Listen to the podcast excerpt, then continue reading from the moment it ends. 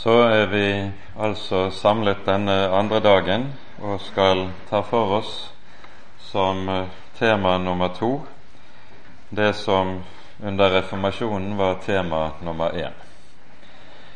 Eh, for når vi skal tale sammen om rettferdiggjørelsen, så vet vi at det er dette som eh, var selve det sentrale tema som eh, reformasjonen sprang ut av. Og eh, når reformasjonsfedrene skriver om artikkelen om rettferdiggjørelsen, så formulerer de det slik. De sier at det er den artikkel Kirken står og faller med. Artikula stantis et cadentis ecclesia. Poenget med denne formuleringen er at en må gjerne ha alle ting i orden og rett i en kristen menighet dersom ikke artikkelen om rettferdiggjørelsen er der. Da er allikevel alt galt. Så sentralt ble dette regnet, og dette ser vi også i måten den eh, augsburgske eh, bekjennelsen er organisert på. Eh, her er det jo slik at de første tre artiklene i den augsburgske bekjennelsen, første artikkelen om Gud og skapelsen, som om arvesynden og som Kristus, de har som formål å lede frem til det som er hovedartikkelen, artikkel 4, som nettopp taler om rettferdiggjørelsen av tro uten gjerninger for Kristi skyld. Og så er det øvrige av den augsburgske bekjennelsen det er egentlig intet annet enn en utfoldelse av hva det som er innholdet i artikkel 4.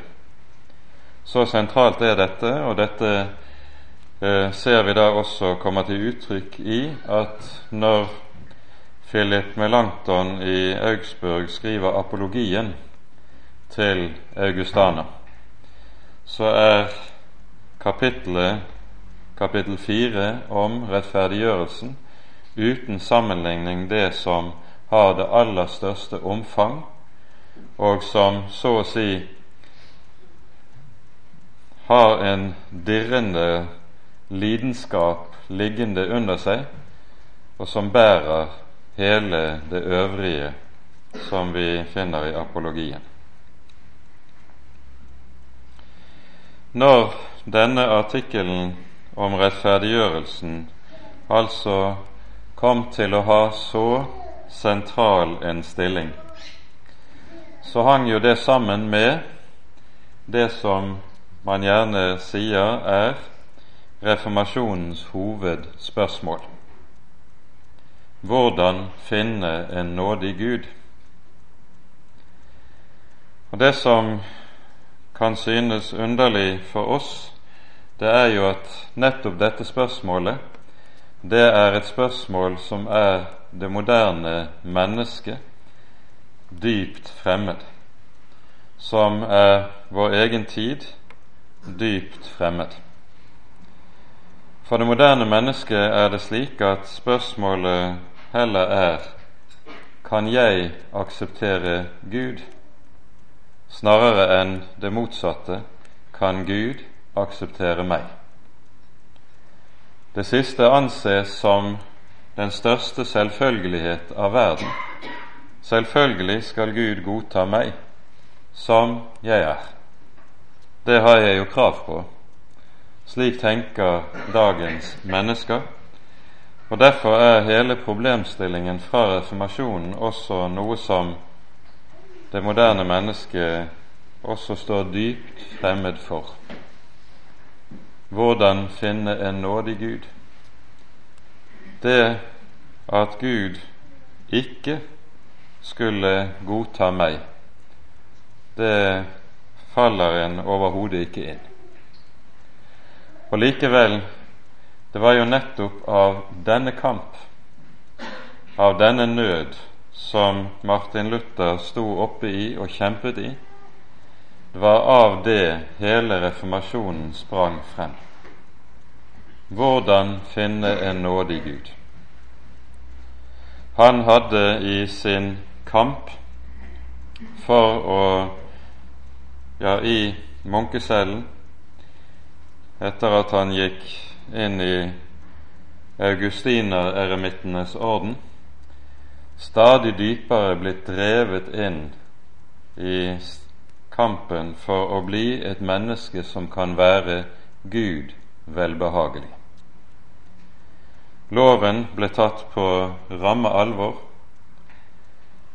men det førte ham ikke ut i noen frihet det førte ham bare inn i dypere og dypere mørke, dypere og dypere anfektelse, og vi har mange ord fra Luthers egen munn der han kan beskrive den nød og kamp han var i gjennom mange år.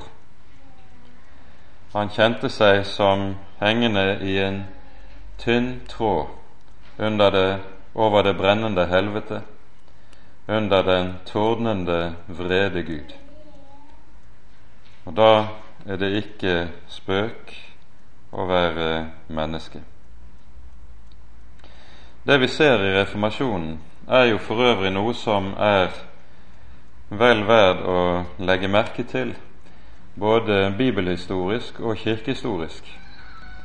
Det ser gjennomgående ut til at alt nytt Gud gjør, det har sin begynnelse i at Gud får tak i ett enkelt menneske og får nå inn til å gjøre sin gjerning på en særlig måte med dette enkelte mennesket. Og gjennom det så springer alt det andre ut. Slik var det med reformasjonens begynnelse. Og dette ser vi om igjen og om igjen også i bibelhistorien. Vel, dette er en parentes. Når Luther står oppe i denne kamp som han slik har beskrevet, så er jo også situasjonen den at han er professor og lærer i Den hellige skrift. Det er Det gamle testamentet som er hans særlige ansvarsområde, og som han har doktorert i. Men han underviser jo også i Det nye testamentet ved universitetet i Wittenberg. Og Det innebærer at Martin Luther bruker mye tid på bibelstudiet, bibelarbeidet. Og det er arbeidet med Den hellige skrift som løser ham, som fører ham ut i frihet. Og dere vil alle være kjent med hvordan han forteller at han i 1517, det er vel antagelig det som er årstallet, sitter i sin celle og grunner over ordene i Romerbrevets første kapittel. Her står det, som vi leser det Jeg skammer meg ikke over evangeliet, for det er en Guds kraft til frelse for hver den som tror, både for jøde først og så for greker. For i det åpenbares Guds rettferdighet av tro til tro, som skrevet er. Den rettferdige ved tro skal han leve. Luther forteller selv om uh, dette ordet at det var et ord som hadde kommet til å bringe ham til den dypeste fortvilelse. Årsaken var at når han leste uttrykket Guds rettferdighet, så forsto han det i tråd med det som var den vanlige måten å tenke på innen skolastikken. Det var et uttrykk som betegnet Guds dømmende rettferdighet. Det at Gud som dommer er rettferdig. Og når det da står som vi leser i disse versene, at evangeliet er en åpenbaring av Guds rettferdighet, så sier Luther omtrent som følger Ikke er det nok at Gud plager oss med sin hellige lov, krav som vi overhodet ikke er i stand til å oppfylle, og som driver oss til fortvilelse. Men når Sønnen så kommer med evangeliet, så åpenbarer det ytterligere Guds dømmende rettferdighet. Og han kan fortelle om hvordan han vredes på Gud i møte nettopp med dette. Men så er det altså kanskje en stille aften han sitter bøyet over Romane 1 igjen. Kanskje er situasjonen den at han har vært i kapellet i kirken og bedt sin vesper, sin aftenbønn, der Salme 31 bl.a. hører med. Og i Salme 31 dette forteller Luther nemlig ganske tydelig med egne ord. Så står det bl.a. i første verset Frels meg ved din rettferdighet. Og så kobles i hans sinn disse to bibelversene, Salme 31 og Romane 1, 17. Og plutselig forstår han Guds rettferdighet er et uttrykk som ikke betegner Guds dømmende rettferdighet, men det betegner Guds frelsende rettferdighet. Det betegner den rettferdighet hvormed Gud rettferdiggjør et ugudelig menneske. Og plutselig så snus alle ting opp ned for ham.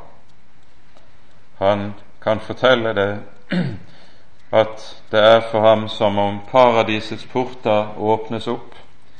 Han rykkes inn i den syvende himmel, og alt løses. Han får se evangeliet. I det åpenbares Guds rettferdighet av tro til tro. Som skrevet står, den rettferdige ved tro skal han leve. Som den lærde han var, så kunne han nok store deler av romerbrevet utenat på grunnspråket. Han forteller om hvordan han hastig blar gjennom Bibelen og finner frem til lignende uttrykk i Skriften. Guds rettferdighet betyr den rettferdighet hvormed Gud gjør oss rettferdige. Guds kraft betyr den kraft hvormed Gud gjør oss sterke. Guds hellighet betyr den hellighet hvormed Gud gjør oss hellige. Og plutselig ser han at det er nettopp slik Den hellige Skrift taler. Bibelen blir ny i møte med denne erkjennelse. Det er skjell som har falt fra hans øyne.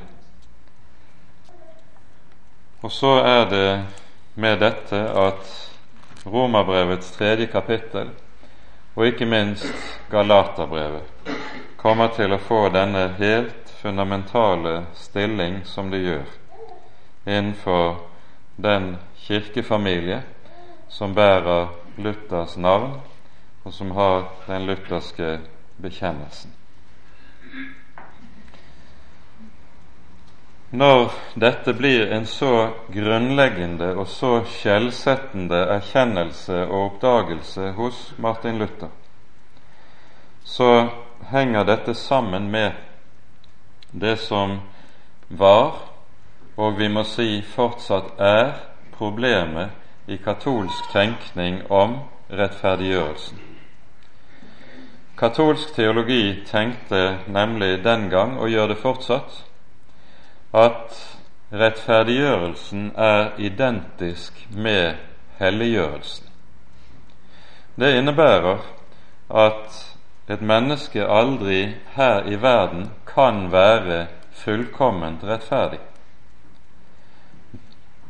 Like som helliggjørelsen her i tiden alltid vil være stykkevis og delt, så vil et menneske derfor også kun være delvis rettferdiggjort for Gud.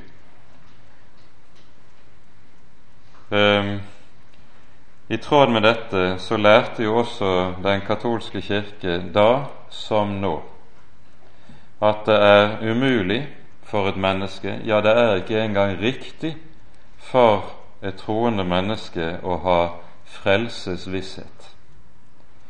Det å ha frelsesvisshet, det ble sett på som en anmasselse og sett på som noe som er ensbetydende med selvsikkerhet eller selvgodhet. Og Derfor skal en et troende menneske ikke ha frelsesvisshet. Tvert om, en skal være usikker på den sak, for nettopp usikkerheten skal være det som driver en til å arbeide på sin egen hellighet og rettferdiggjørelse. Luther kaller denne læren om at en skal være uviss på sin frelse, for monstrum incertitudinis, uvisshetens uhyre. For han hadde opplevd selv hvor forferdelig det var nettopp dette å være uviss når en hadde den hellige Gud med sin vrede og med sine krav over seg, og dermed at troen var noe som stadig var uvisshet og usikkerhet. Det var noe som var den største nød for et menneske å kastes inn i. Og Derfor tror jeg vi har lov til å si at veldig mye av kjernen i læren om rettferdiggjørelsen, det er knyttet sammen med budskapet om frelsesvisshet, som gis nettopp i og med læren om at et menneske rettferdiggjøres av tro, for Kristi skyld, uten noen vår fortjeneste. Når man i katolsk tenkning lærte at rettferdiggjørelse og helliggjørelse er to sider av samme sak, så henger det sammen med at man innen katolsk teologi eh, tenker som så rettferdiggjørelsen er en helbredelsesprosess som foregår i menneskets hjerte. Det er en helbredelsesprosess som består i at jeg gradvis, under innflytelse av Guds nåde, blir annerledes. Og denne forvandling av meg, den skal altså pågå hele livet igjennom. Men den vil for de aller fleste mennesker aldri kunne nå målet slik at jeg blir fullkomment hellig her i verden. Det er det som er årsaken til at en i katolsk tenkning også har læren om skjærsilden. For skjærsilden er jo rett og slett det sted bakom død og grav hvor den rest av inni meg som ikke er renset ut av synd og ufullkommenhet, skal renses bort, skal lutres, skal brennes bort, før jeg kan komme inn i saligheten. Så læren om skjærsilden henger på det nøyeste sammen med læren om rettferdiggjørelsen i katolsk tenkning. En tenker seg altså dette som en slik helbredelsesprosess. Dette er en måte å tenke på som den katolske kirke har lært av Augustin. Eh, men nettopp her er det at reformasjonen i studiet av Den hellige Skrift ser at saken forholder seg ganske annerledes. For at man nettopp skulle se dette, det var avhengig av et meget nøye og meget nitid arbeid med Bibelen. Poenget er, når vi leser Romerbrevets tredje kapittel, og vi tar oss tid til å lese de versene som vi også var igjennom i går her Nå er Guds rettferdighet, som loven og profetene vitner om, åpenbart uten loven. Det vil si, Guds rettferdighet ved troen på Jesus Kristus, for alle og over alle som tror, for det er ingen forskjell. Alle har syndet og fattes Guds ære, og de blir rettferdiggjort uforskyldt av Hans nåde ved forløsningen i Kristus Jesus. Poenget med dette ordet som her anvendes i Bibelens grunntekst, rettferdiggjøre, det er, og det var reformatorene klar over, for de med, hadde en meget høy utdannelse når det gjaldt gresk språk og klassisk dannelse for øvrig. De visste at ordet rettferdiggjørelse, det er et ord som er hentet fra rettssalens språk. Og i rettssalen brukes dette ordet for å betegne det at en som står tiltalt for retten, frikjennes. Og Da er det viktig å være oppmerksom på at ordet rettferdiggjørelse, altså et ord som betyr noe meget mer enn benådning. En som benådes, det er en person som er dømt skyldig, men så for, som så får ettergitt en større eller mindre del av den straff han er idømt. En som derimot rettferdiggjøres, han frikjennes, det vil si han dømmes som uskyldig i det han er anklaget for, og det er det rettferdiggjørelsen taler om. Poenget er med andre ord at menneskets stilling overfor Gud i denne sammenheng beskrives som at jeg står som anklaget over innenfor Den hellige. Den levende Gud er min dommer. Jeg tror vi her har et godt bibelsk forbilde i det vi leser hos profeten Zakaria i det tredje kapittelet. Her står det om ypperstepresten Josva som står innenfor Guds domstol. Så lot han, meg se Josva, ypperstepresten, som sto for Herrens engels åsyn, og Satan som sto ved hans høyre side for å anklage ham.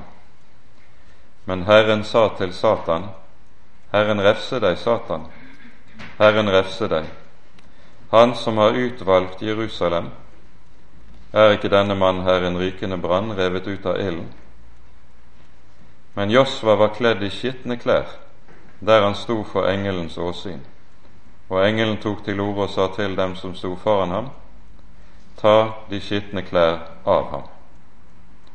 Og til ham selv sa han, se, jeg tar din misgjerning bort fra deg og kler deg i høytidsklær. Når vi slik får malt for våre øyne domstolen, så har vi her fire parter. Du har dommeren, som er Herren Gud, og du har Josva, synderen, som står der anklaget, og som står der i skitne klær. Og så for det tredje har du anklageren, som er Satan. Satan betyr jo nettopp det. Um, og så har du forsvareren, som her er Herrens engel.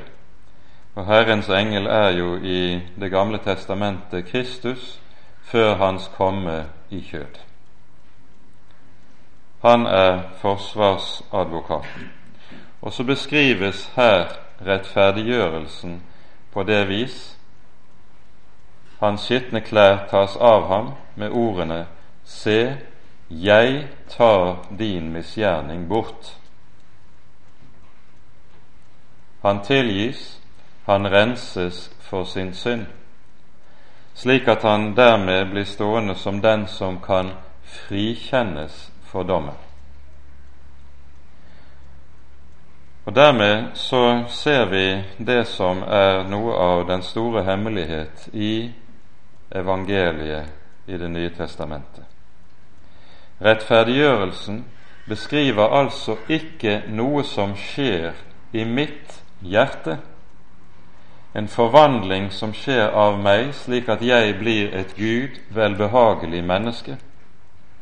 Nei, rettferdiggjørelsen er en domsakt i Gud, der Gud i sin dom frikjenner meg for synd på grunn av at det er en forsvarsadvokat som har renset meg og løst meg fra den skyld, fra den synd jeg var skyldig i.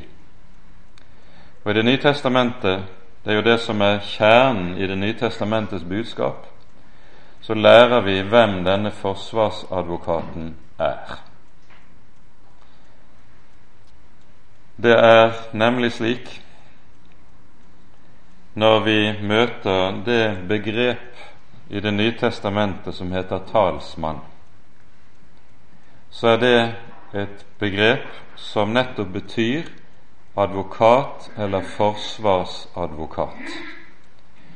I 1. Johannes brev kapittel 2 står det slik Dersom noen synder, da har vi en talsmann hos Gud, Jesus Kristus, den rettferdige, og han er en soning for våre synder, ja, ikke bare for våre, men òg for hele verden.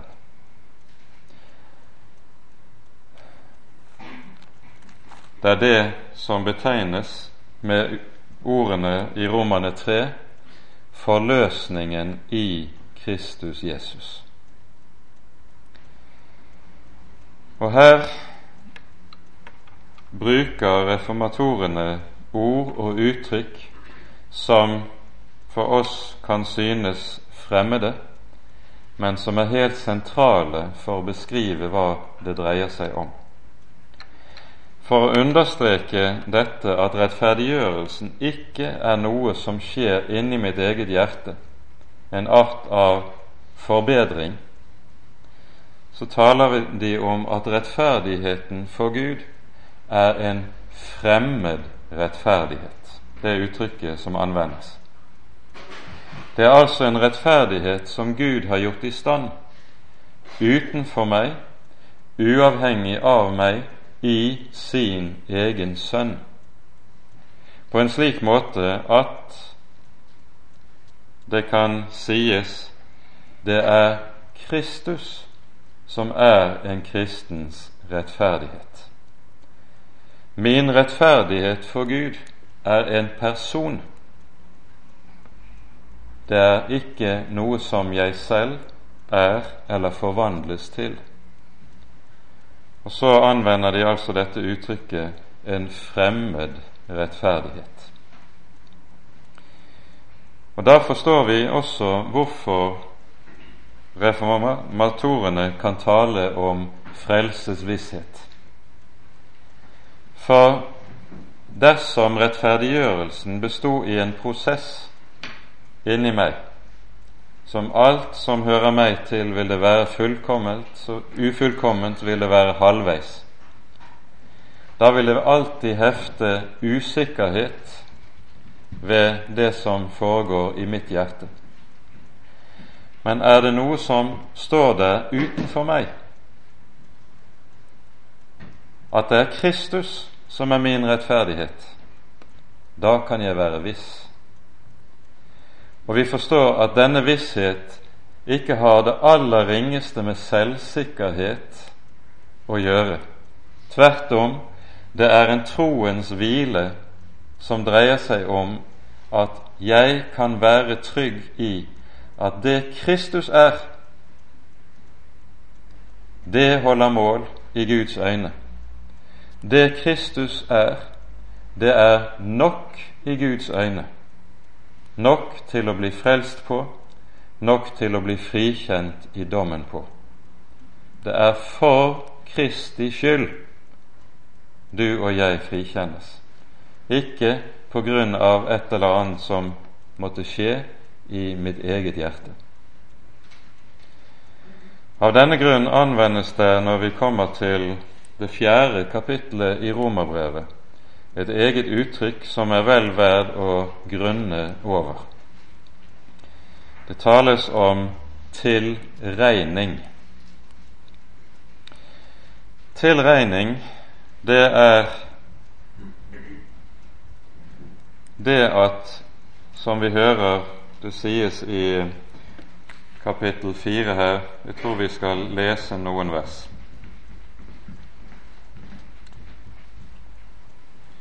Fra vers 4.: Den som har gjerninger, ham tilregnes lønnen ikke av nåde, men som skyldighet. Den derimot som ikke har gjerninger, men tror på ham som rettferdiggjør den ugudelige, Ham regnes hans tro til rettferdighet. Således priser også David det mennesket salig som Gud tilregner rettferdighet uten gjerninger. Salige er de hvis overtredelser er forlatt, og hvis synd er skjult. Salig er den mann som Herren ikke tilregner synd. Hva er tilregning for noe? Saken i dette er at det er to personer som står overfor hverandre. Du har Kristi person på den ene side, jeg på den andre side. Tilregning består i en dobbelt akt. Den består i det at Gud for det første tar min synd fra meg, overfører den på og legger den på sin sønn, slik at han dømmes skyldig på grunn av det jeg er, på grunn av det jeg har gjort. Dernest skjer det den motsatte tilregningsakt. Han tar den rettferdighet og den hellighet, den syndfrihet, som Sønnen er i besittelse av, den tar han og overfører på meg og legger på meg, så jeg får det Sønnen er. Luther kaller dette for det salige bytte. Og så forstår vi at denne tilregningsakt, denne doble tilregning, det er noe som ikke du og jeg gjør at vi skal utføre det ved en eller annen trosakt som vi skal prøve å stramme oss opp til å få til for å lykkes. Denne tilregningsakt er noe Gud gjør. Han tar fra meg min synd og legger den på sin sønn.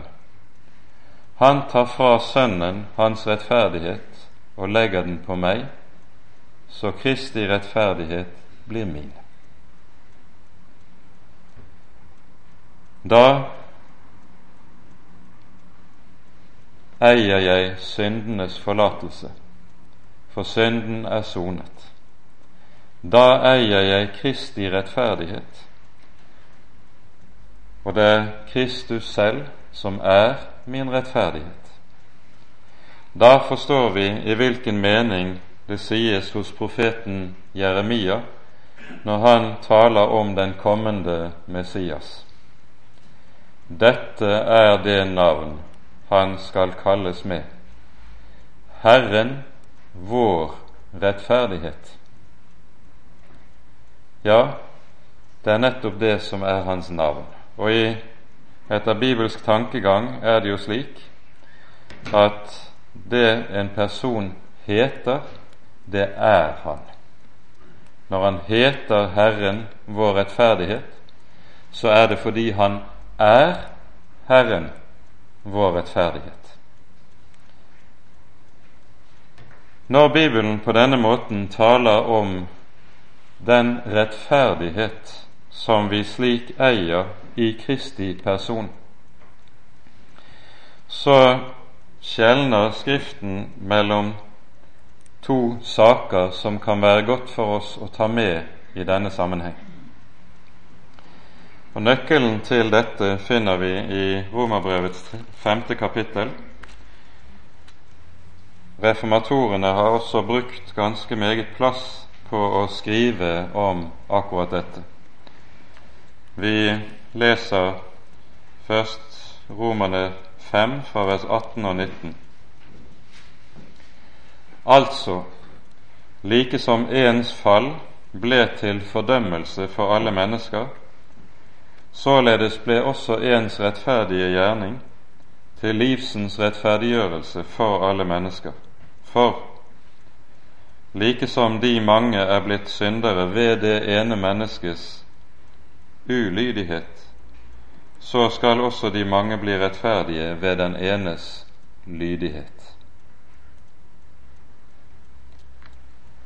Hva er det apostelen her taler om? Reformatorene skilte mellom det de kalte for Kristi aktive lydighet og Kristi passive lydighet. Hva mente de med det? Når de talte om Kristi passive lydighet, så tenkte de på den lydighet mot Gud som Herren viser i sin lidelse og sin død. Der handler Han ikke selv, der blir det handlet med ham. Der er Kristus passiv idet han stedfortredende lider og dør for syndere og for syndens skyld. Men hva så med Kristi aktive rettferdighet? Jo, det er det vi hører om her i Romane 5. Her er det tale om Kristi lydighet som den som oppfyller Guds hellige lov. Poenget er, som vi leser det litt tidligere i det femte kapittelet,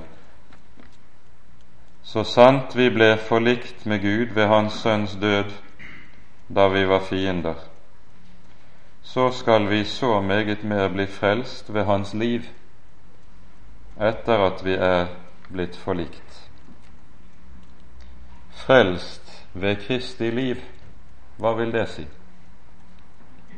Menes det Kristi liv etter hans oppstandelse, eller menes det Kristi liv før hans oppstandelse? Antagelig ligger begge deler i ordene, men hvis vi nå tenker på det som her sies, som Kristi liv før hans oppstandelse, så er tankegangen den at når Jesus i sitt jordeliv fullkomment oppfyller Guds hellige lov, og derfor også er fullkomment syndfri, så er saken den altså at også sitt liv lever han for vår skyld. Også i sitt liv er han vår stedfortreder. Derfor er det også på det vis at alt Jesus gjorde i sitt jordeliv, det er noe som kommer deg og meg til gode.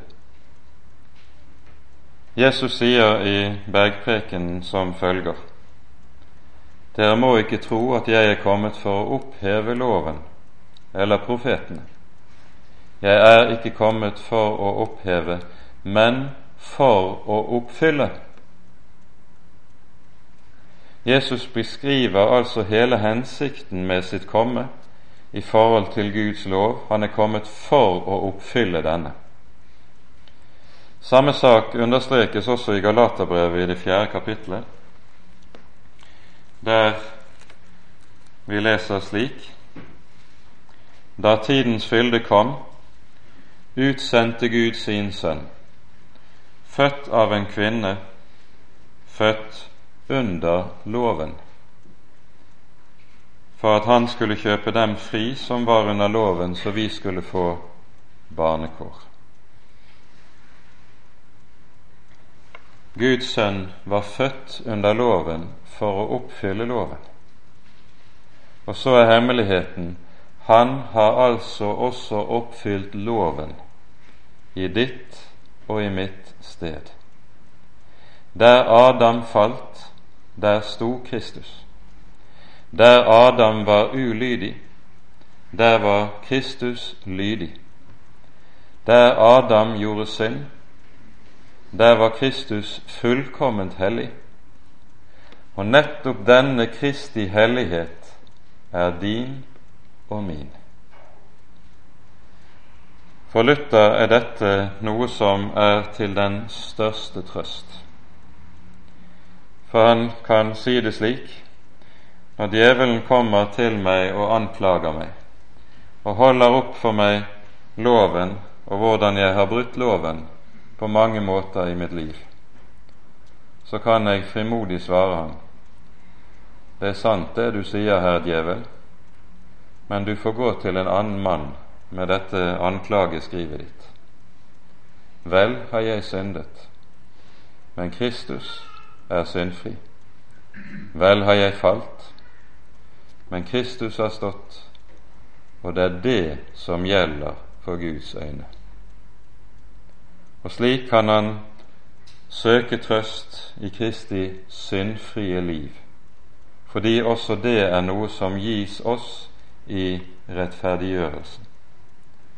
Rettferdiggjørelsen har altså denne dobbelthet i seg, at både strykes all synd ut, samtidig som vi også får en fylde av rettferdighet og hellighet i Kristi person.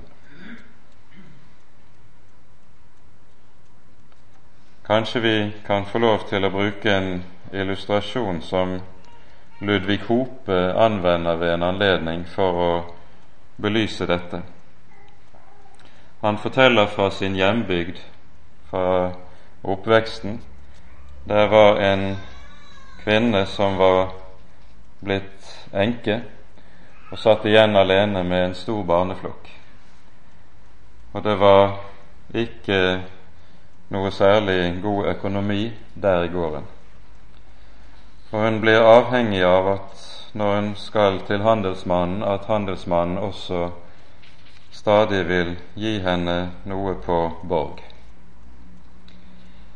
Dette er en mann som er velvillig og gjerne vil hjelpe henne, og han strekker seg langt, men til slutt er gjelden for denne kvinnen vokst så meget at han ikke ser seg i stand til å gi henne mer. Omtrent på denne tiden kommer det en uh, kar tilbake fra Amerika som var, hadde utvandret fra bygden mange år tidligere. Han eh, hadde gjort det godt der borte og var blitt en velhavende mann. Og så får han høre om denne enken. Han eh, oppsøker kjøpmannen og spør er det riktig at som jeg har hørt, så og så.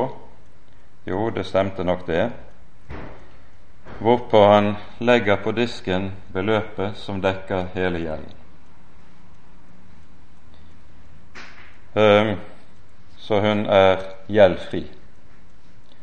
Men så sier han i tillegg skal du ha også dette, og så legger han det dobbelte beløp på disken.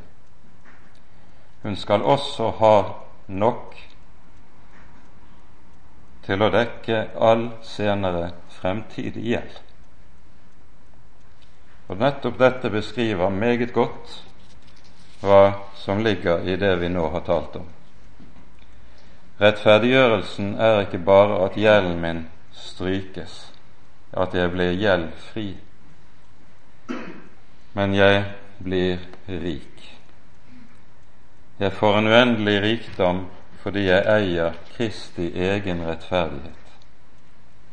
Min rettferdighet for Gud er Kristi person. Og så står budskapet der som vi kan lese det i Det nye testamentet.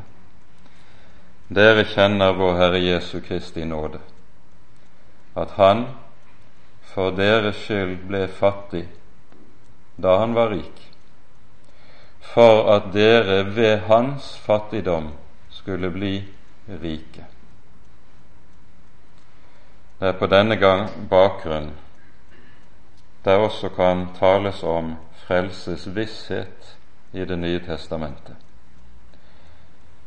Dette har jeg skrevet til dere, sier Johannes i sitt første brev i det femte kapittel, for at dere skal vite at dere har evig liv, dere som tror på Guds Sønns navn. Det er en visshet som henger sammen med at vi vet på hvem vi tror. Det er en visshet som henger sammen med at vi vet hva Kristus veier i Guds øyne. Det er en visshet som ikke har det aller ringeste med selvsikkerhet eller selvklokhet å gjøre. Det er en visshet som gir et forpint hjerte hvile. Fordi jeg vet i Kristus har jeg alt jeg trenger for å bli stående for Gud. Alt jeg trenger for å bli stående for Gud, og det gjelder både i liv og i død. For det må vi også ha med oss. Når Luther taler om rettferdiggjørelsen, så tenker han ikke bare på kristenstanden her i livet her i verden. Han tenker ikke minst på hva har jeg å møte den levende Gud med den dag jeg skal dø, den dag jeg skal møte min dommer? Er det helliggjørelsen som gir meg grunnlag for håp når jeg skal inn i evigheten? Var det helliggjørelsen jeg skulle dømmes etter? Da eide jeg intet håp. Da måtte jeg frykte i angst for død og for dom. Nei, når jeg skal dø, så er det slik at det er bare ett jeg kan dø på hva Kristus har gitt, hva Kristus har gjort. Og hemmeligheten i det kristne liv er nettopp dette jeg kan ikke leve på noe annet enn det jeg skal dø på. Og jeg kan ikke dø på noe annet enn det jeg må leve på. Kristus, vår rettferdighet.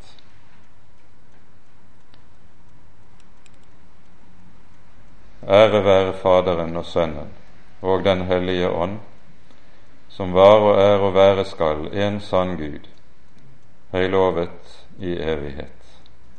Amen.